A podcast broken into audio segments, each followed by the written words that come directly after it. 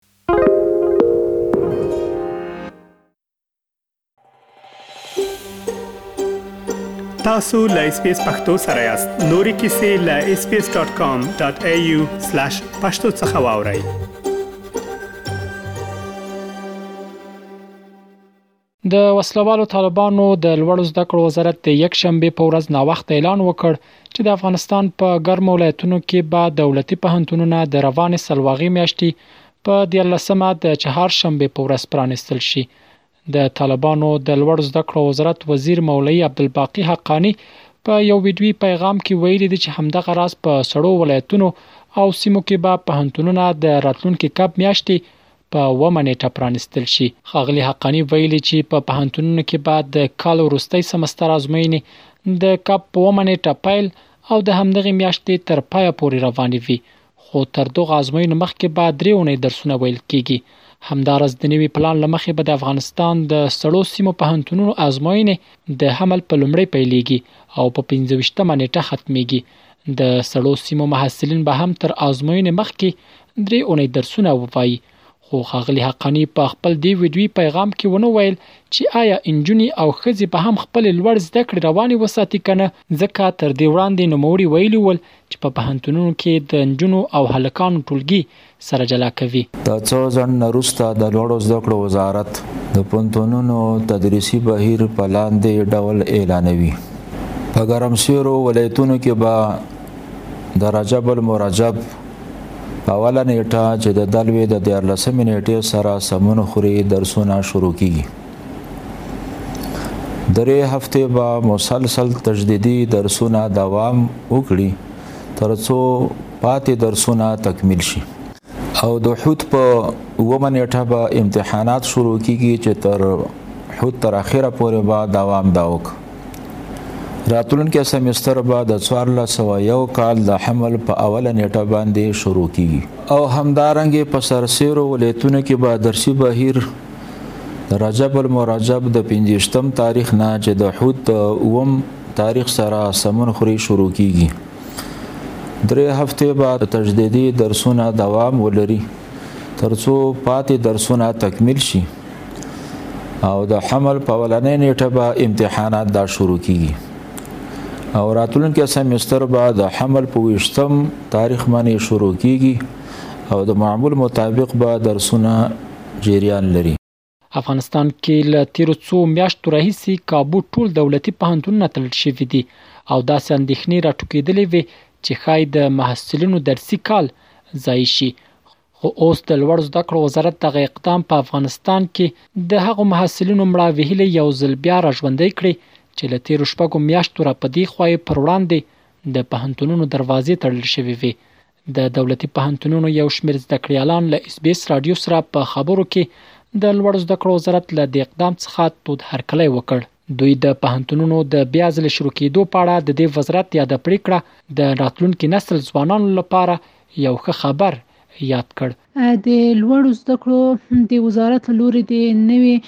تایید شوې پریکړې په اساس چې د ګرمسیرو سرسیرو دولتي پوهنتونونو پیل دی د زکړیالانو لپاره یو ډیره ښه او په زړه پورې خبر ده کچيري زکړیالانو ته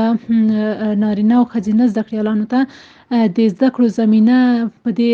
لند وختونو کې برابر شي نو دا به د ټول هواد لپاره یوه ډیره نیکمرغي وي. دا تر ټولو غوره او بهتر اقدام ده او خدای دې دوی لا هم په دې کې ګړندې لري او بل دا چې تاسو که فکر کړی وي افغاني ټولنه هیڅکله نه غواړي چې بغیر د اسلام نه قدم کېږدي نو دوی که هر کله مثلا غواړي چې ټولنه پرمختګ وکړي دوی سره به اسلامي مور ګډ اوږه په اوږه روان وي نو دوی غواړي چې اسلامي قوانین په ځان پلي کړي او داسې یو میکانیزم دوی لپاره جوړ کړای شي د مکتبونو لپاره د پوهنتونونو لپاره چې دوی ته هیڅ کوم خنډ نه وي البته د اسلامي امورونه او همدغه شان نور د تحصیلاتو عالي له دغې پرېکړې څخه بیخي زیات خوشحاله یو موږ ټول محصلین ځکه چې زموږ هیلې یو ځل بیا راژوندی کېدونکي دي او نور نو تحصیلات والی له محترم وزیر صاحب څخه نړۍ مننه چې دغه پریکړې ورستۍ کړه او تر ټولو زیات چې مونږ اندېښمن یو دغه ټوټل سیمیستر په درې هفتو کې خلاصول یوازې اندېښنه مو دې ته ده چې ټول سیمیستر په درې هفتو کې خلاصول دا نو بیا یو څه لږ سخته وي د طالبانو له بیا واکمنېدو راهیسې په شاوخوا شپږو میاشتو کې د افغانستان د پهنتونونو او ښوونځیو درسي بهیر په تیره د نجونو لپاره له خنډ او ځند سره مخ پاتې شوی خو یو اندېښنه لا هم د پهنتونونو له محصلینو سره پر ځای پاتې ده چې آیا وسلوال طالبان به د هلکانو ترڅنګ انجونو ته د لوړ زده کړو د دوام اجازه ورکړي او کنه لکه څنګه چې